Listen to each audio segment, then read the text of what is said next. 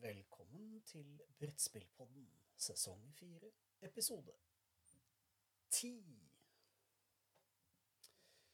Jeg har vært på Con. Jeg har vært i Kristiansand på brettspillkon. Um, I aller høyeste grad et utrolig tøft eh, og bra konsept, som på alle mulige måter uh, er kanskje det beste konet vi har i Norge i dag. Eh, knepent forbi Kjellikon, som er omtrent myntet på samme lest.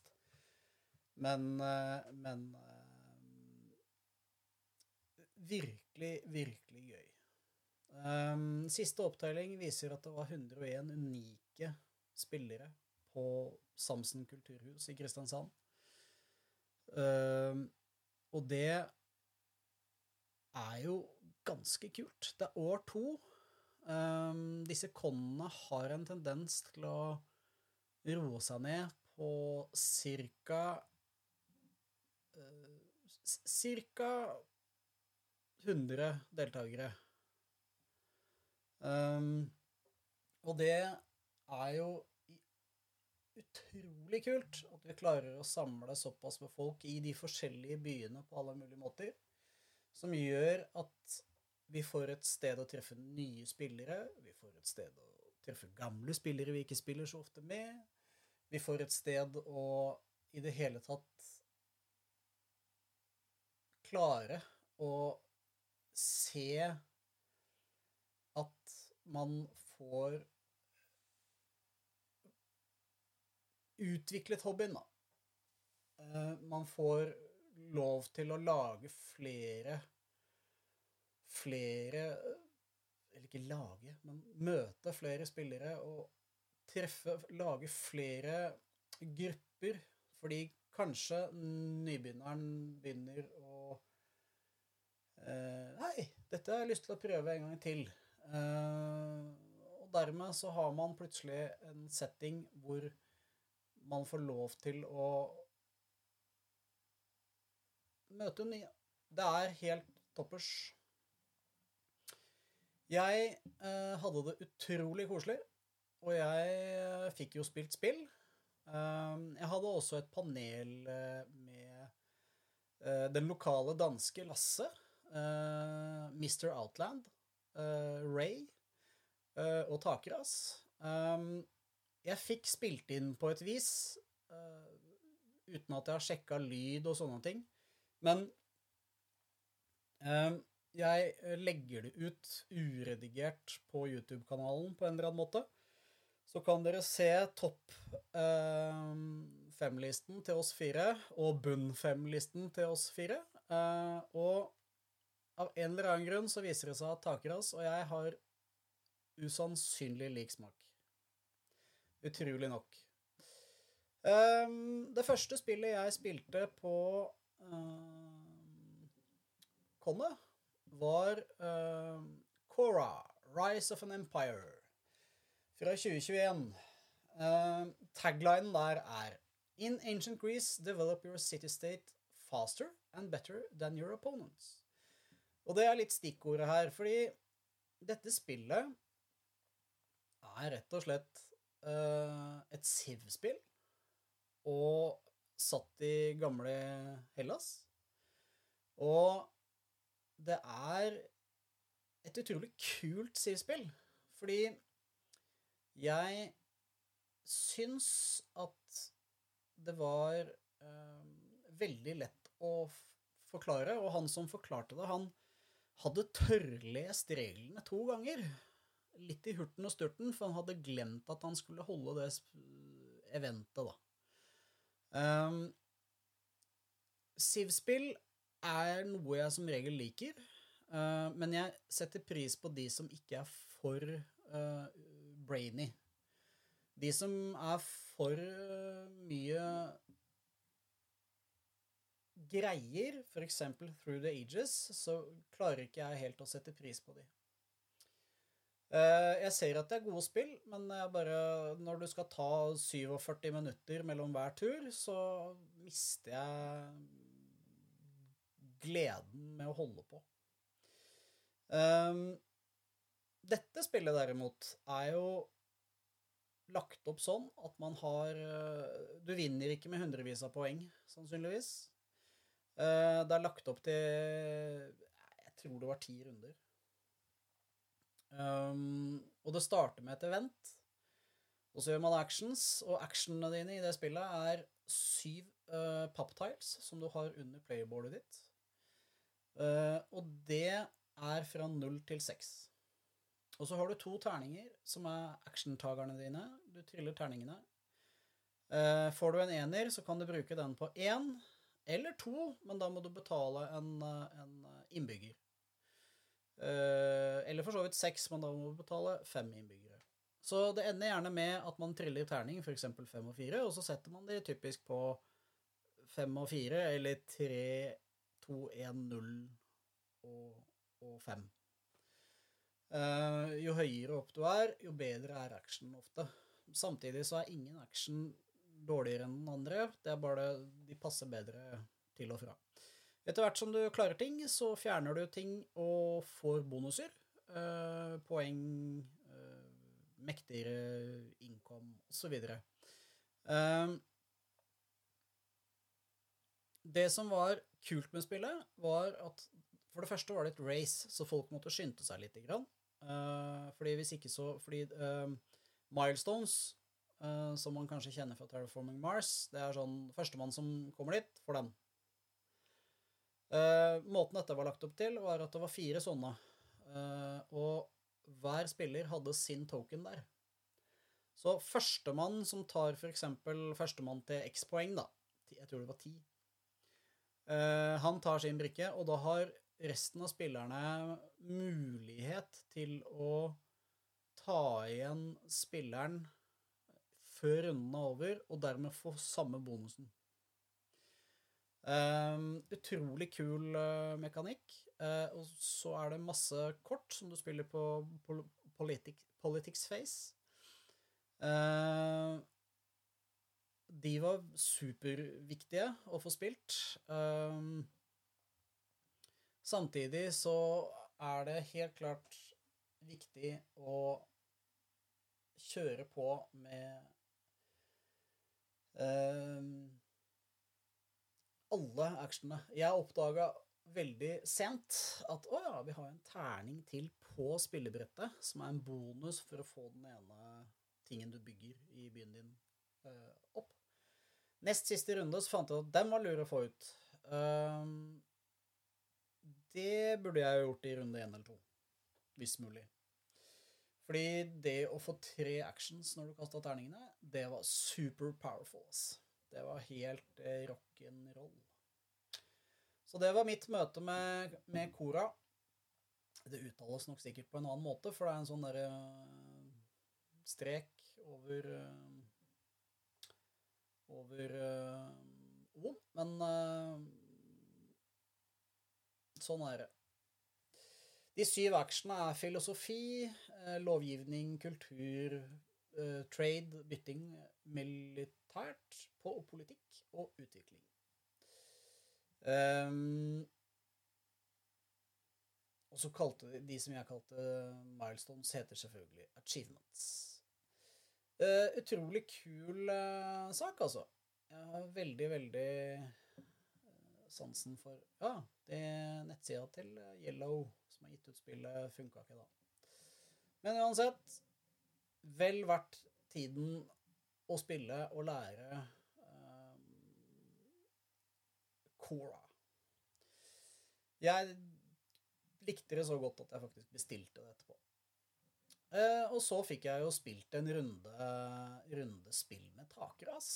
Uh, og to andre karer. En jeg tror det var en tysker, som jeg ikke husker navnet på. Jeg beklager så mye. Og en amerikaner som heter Matthew. Um, det var en utrolig kul session.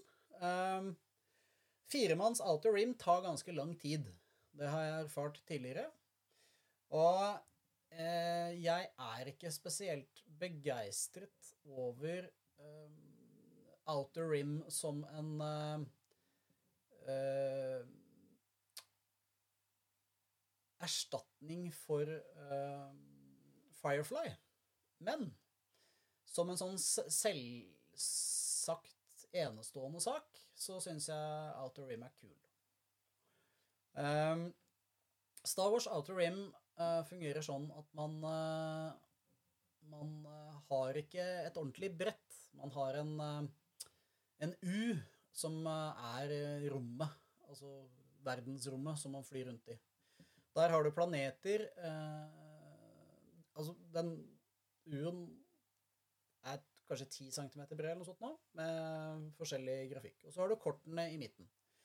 Um, innmari snedig måte å på en måte holde kortene innafor midten på bordet. Um, men en ting som jeg syns jeg savner litt i det spillet, er et ordentlig brett. Det blir veldig sånn du går frem eller tilbake på den U-en. Men uansett en utrolig kul greie. Og det som var så stilig, var at han amerikaneren, Matthew, han syns åpenbart dette spillet var kjempegøy. For han satt Han smilte når han gjorde actionene sine. Han, han syntes det var kjempekult. Og det Akkurat det er jo det vi grunnen til at vi gidder å spille disse spillene her, og, og se at folk opplever utrolig kule ting. Enten det er deg sjøl, eller om det er en du har på besøk, eller om det er sånn som i denne settingen, på et con. Um, dessverre måtte vi avslutte før vi var ferdig, men vi konkluderte med at Matthew vant uh, med Takerås uh, knepent med like mange poeng bak. Jeg var helt ute av kampen. Jeg hadde to poeng, og de andre hadde fire. Jeg hadde spilt i to og en halv time. Um, og så var det én ulempe med det rommet vi satt i. Um, det var litt ståkete. Um, og det, det, det, ga seg for så vidt, men uh, det ble satt opp noen sånne dexterity games der uh, med store grupper. Uh, og de spillene har den tendensen at man blir sånn kjempemedrevet når man faktisk ser på. Så det er i aller høyeste grad noe å tenke på når man er på con. Uh, at Eller ikke er på. De som arrangerer connet, burde sørge for at uh, den ene I hvert fall når man har plass til det, sånn som de har i Kristiansand.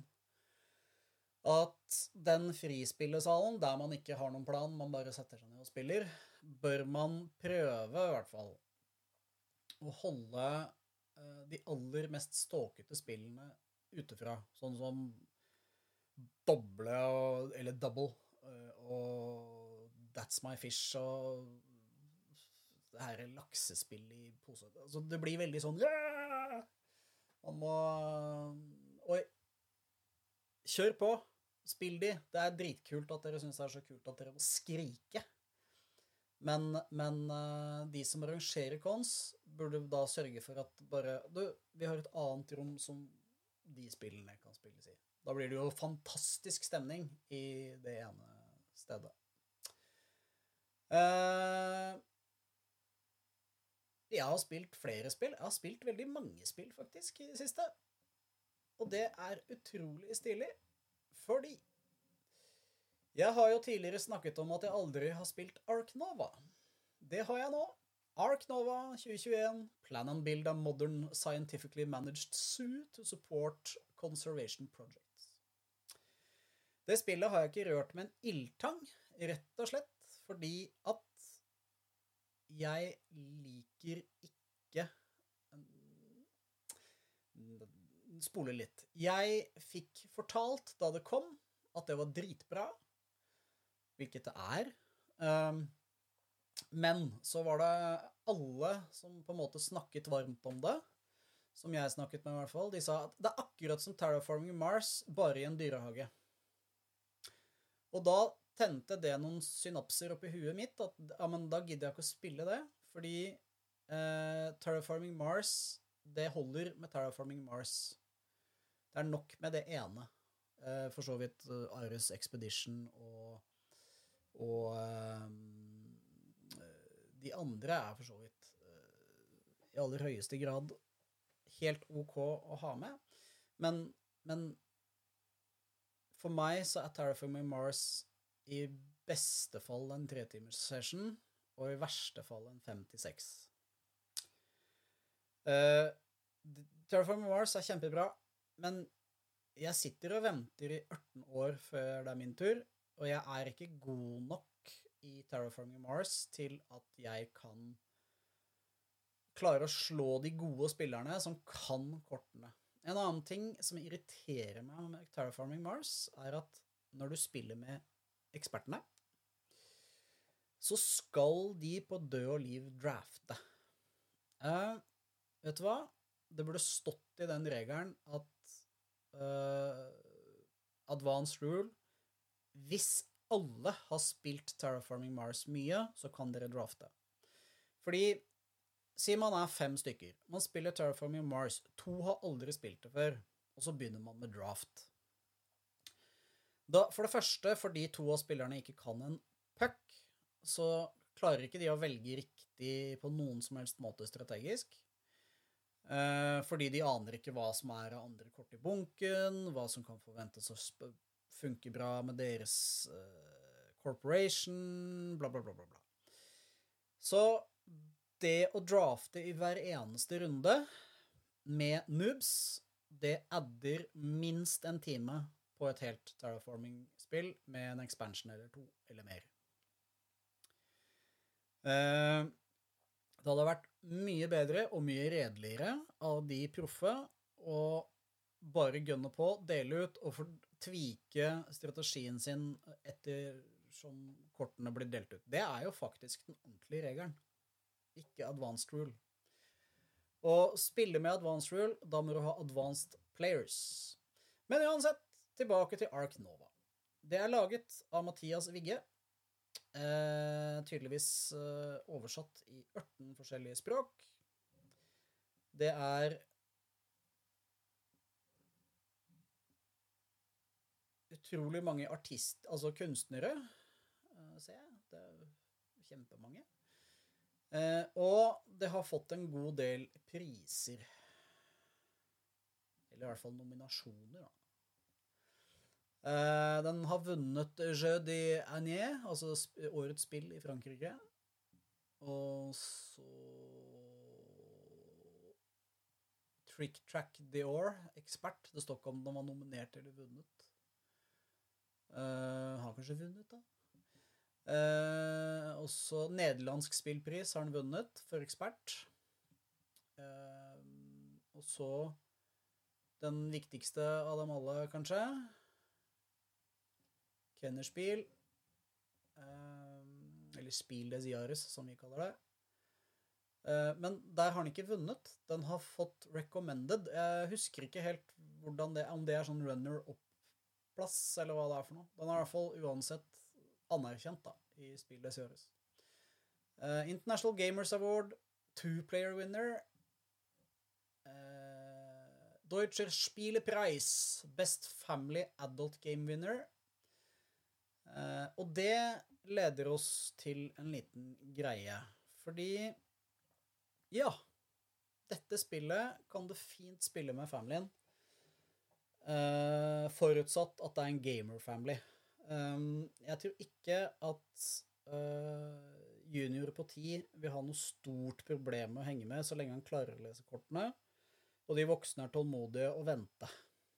Um, utover det så ser jeg ingen problemer. Det kommer selvfølgelig an på tiåringen og nivået, men jeg tror det er fullt mulig. Så Ark Nova, det er ikke mekanisk vanskelig. Det ligner uh, på Terraforming Mars på noen punkt.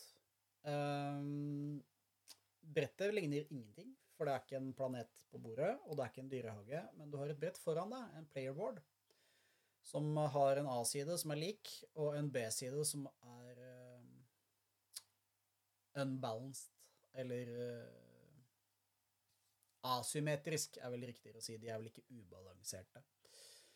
Uh, jeg spilte på base, og jeg vant med 25 poeng første gangen jeg spilte Ark Nova. Jeg er dritstolt, for dette spillet man vinner med minuspoeng. Um, de fleste jeg snakka med, er sånn første gang jeg spilte det, så fikk jeg minus to, osv. Um, spillet er utrolig snedig lagt opp. Brettet er en slags bordplate som viser kort. Uh, du legger opp kortene Jeg tror det var åtte? Seks? Seks? Uh, og så har du poengmarkøren din i den ene enden av brettet. Og så har du jeg husker ikke hva det kalles, men det er en annen markør på andre sida.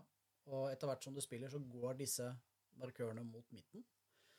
Og i det sekundet man tar igjen sin egen markør, så har du slutta spillet. Da får de, alle de andre spillerne én siste tur, og så er det poengberegning. Så her er det om å gjøre å beregne sånn at siste runden din gir kjempemasse poeng, eller at du har masse, masse, masse ekstrapoeng. Um, det er jo superviktig uh, kunne det strategisk også. Men det er ikke så nådeløst som uh, Terraforming Mars. Det som ligner Terraform, med Terraforming Mars, er at spillebrettet ditt er delt inn i heksagoner. Uh, bitte små. Cirka kronestykket store eller noe sånt noe. Uh, og der skal du bygge innhegninger, eller enclosures. Og de er én, to, tre, fire eller fem heksagoner store.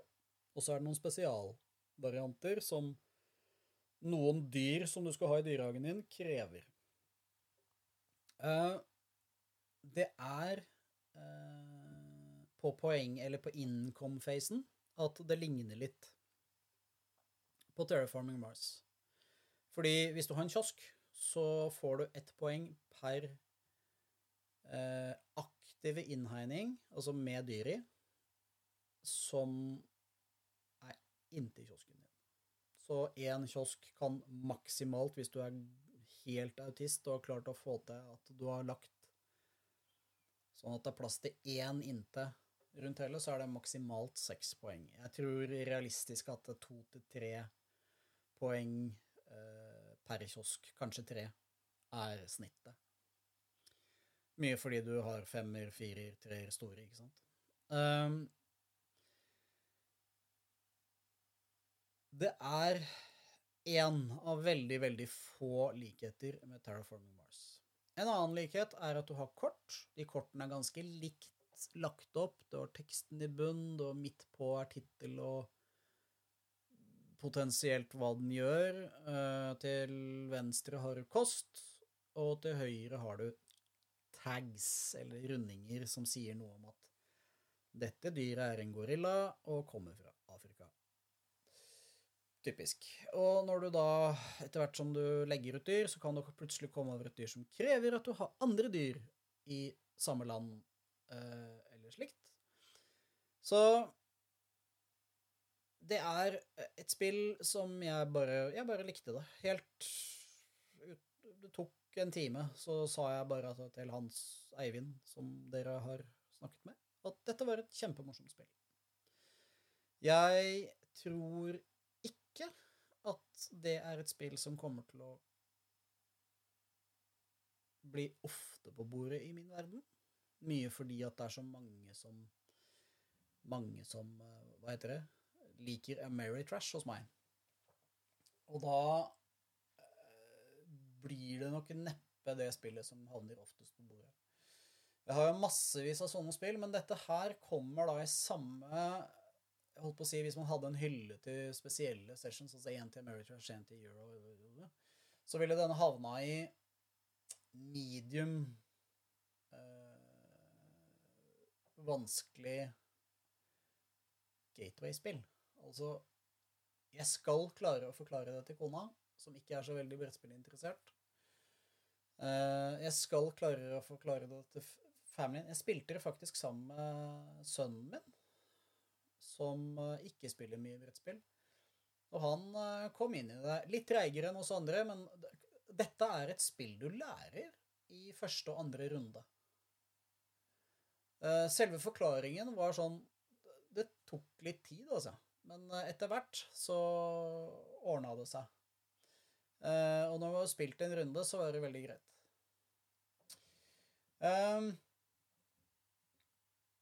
Men jeg har spilt enda flere spill denne uka. Det er jo bare fryd og gammen. Uh, det har forresten kommet en expansion til Ark Nova nå nettopp, og jeg spilte med den. Um, den adder noen flere varianter på disse enclosures-greiene, som, uh, som er disse tilesene du legger på playerboardet ditt. Eh, fuglehabitat og ormehall og greier.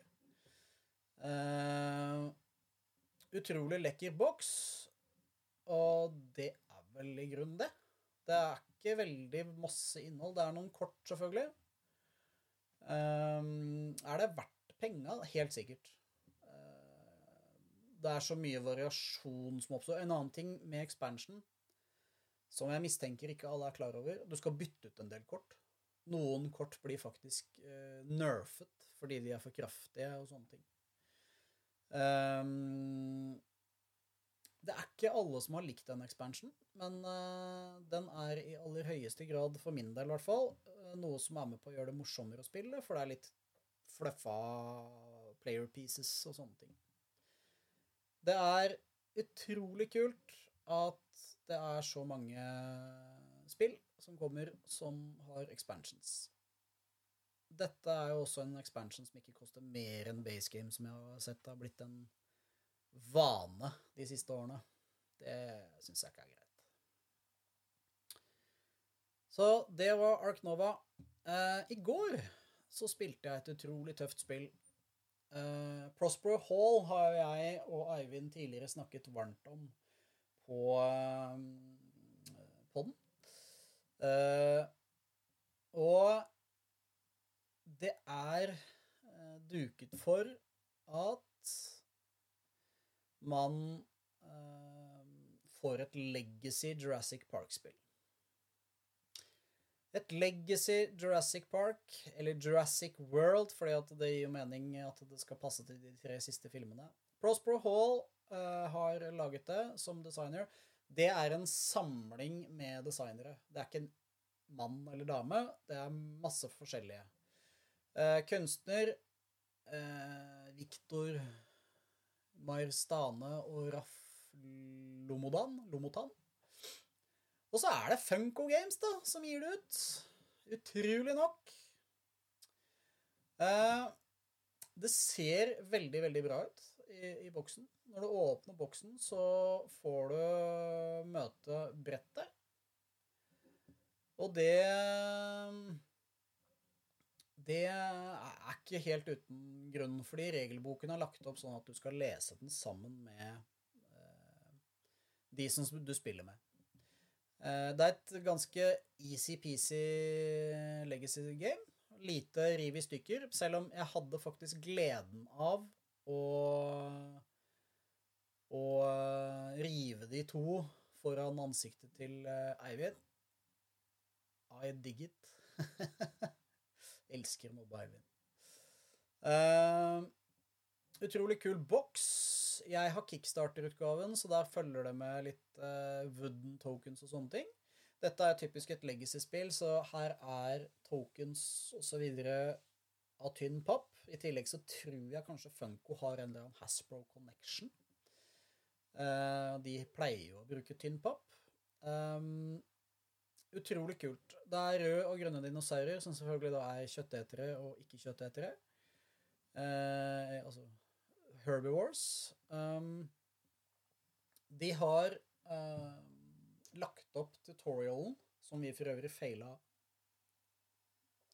awesome sauce. Um, de har lagt den opp til at det er den Scenarioet er å åpne en konvolutt, ta ut en tegneserie. Det ligner på en tegneserie fra uh, Det ser ut nesten akkurat som Tempo, hvis man har lest de norske bladene. Rød overbanner på toppen og Utrolig stilig. Artworken får deg til å minne, minner deg om sånne gamle farga tegneserier med sånne prikker i, sånn som Fantomet hadde. Uh, utrolig kult. Eh, det man gjør, er jo selvfølgelig da å bygge visitor center, eh, lab, eh, sånne ting. Vi spilte også scenario 1, og der fikk vi lov til å klistre på veier og barrierer og masse kult. Og vi klistre, det var mye klistring med klistremerker. En av de snedigste tingene med Jurassic Park Jeg skal se om jeg klarer å finne et bilde. Jurassic World må jeg nesten lære meg å si. Eh, det var en eh, Ring of Rules. Eh, der har vi bildet. Og det er rett og slett en slags nøkkelring. som man har i Tilgjengelig for alle spillerne. Eh, etter hvert som du spiller, så får du nye regler som du da legger inn på riktig sted. Um, det følger også med den, den, Det var en smart funksjon, altså. Um, fordi der var det sånn Hæ, Hva med vei? Jeg lurer på vei. Da bare fant du det pappkortet som het Road, og så leste du. Og der står de aller viktigste tingene om Road. Og det er også, også sånn at du kan snu, og så står det enda mer på, på baksiden. Jeg digga den mekanikken der. Det følger med en raptorklo, uh, som vi bare hm, Hva er den til, da? Uh, og så er defense på spillerne er også raptorklo, så vi trodde den kanskje hadde noe med det å gjøre, men altså Vi har spilt så mange legacy-spill i det siste, eller totalt, at vi bare Ja, vi bare venter. Det kommer seinere i reglene. Og ganske riktig, på slutten av eh, scenario 1 så fikk vi jaggu meg vite hva den kloa var til. Og det er rett og slett en uh, flakslodd-scratcher. Eh, For øvrig mye dårligere til å scratche sånn flaksloddbelegg enn en eh, bare action token som var av tre. Fordi jeg har kickstarta. En annen ting som fulgte med Jeg, jeg tror kanskje det er preorder, ikke kickstarter. Jeg er ikke helt sikker. Eh, en annen ting som fulgte med i uh, boksen, uh, er fire dinosaurer, som er de fire starterdinosaurene. Uh, og de er av rav-farget, gjennomsiktig, altså sånn oransje plast. Skal se ut som rav, da. Og det er kjempedumt, fordi de kan ikke bruke til noen ting. Fordi de eh, I reglene så er det sånn at eh, alle kort og sånn som du gjør, som du beveger dinosaurene, er sånn grønn dinosaur, da flytter du herbivores, og rød tegn, så flytter du carnivores. Kjøtteter og planteeter. Um, og det blir jo fryktelig Du må liksom se og studere figuren, og i tillegg så ligner Velociraptoren og T-rexen litt på hverandre. Så det er sånn Nei. Jeg skjønner ikke helt poenget med den. De kunne like gjerne spart de penga, spør du meg. Men sånn er det. Eh, og det er vel eh, stort sett det jeg har å melde. Eh, jeg skal spille Ticket to Ride Legacy med Eivind og en annen gjeng på fredag. Så til uka så kommer jeg til å lage en pod om det. Um, det er um, i aller høyeste grad et spill jeg gleder meg til. Jeg syns det er så utrolig lenge siden jeg faktisk har spilt Ticket to Ride. Uh, og det er et spill som man i moderne brettspillkretser ser litt ned på. Ikke så ille som Risk og Monopol og sånne ting, for det er et veldig enkelt spill. Men man må kunne klare å like et spill som å ta to minutter å forklare en helt grønnskåling. Det er utrolig kult at det er så lett å håndtere. Eh, det er alt jeg har å melde. Hvis du har holdt ut så lenge som nå, så tusen takk for det. Eh, anbefaler lytterne å gå på YouTube og se og følge der. Bjelle og subscribe og alt det der fjappet der. Eh, jo flere jeg får til å høre på podcasts og se på videoer, jo større er sannsynligheten for at det blir mer innhold. Um, og det er um, potensielt noe jeg kommer til å satse ganske mye på. Så hvis jeg klarer å knekke koden med å gjøre dette til et levebrød, så vil eh, Brettspillpodden eh, få mye innhold etter hvert. Eh, og jeg lover å ikke bli glissen og rar eh, i løpet av det. Det er lov å håpe. Det var alt jeg hadde å melde i dag. Tusen takk for titten og høringa. Vi prekas. Hei då!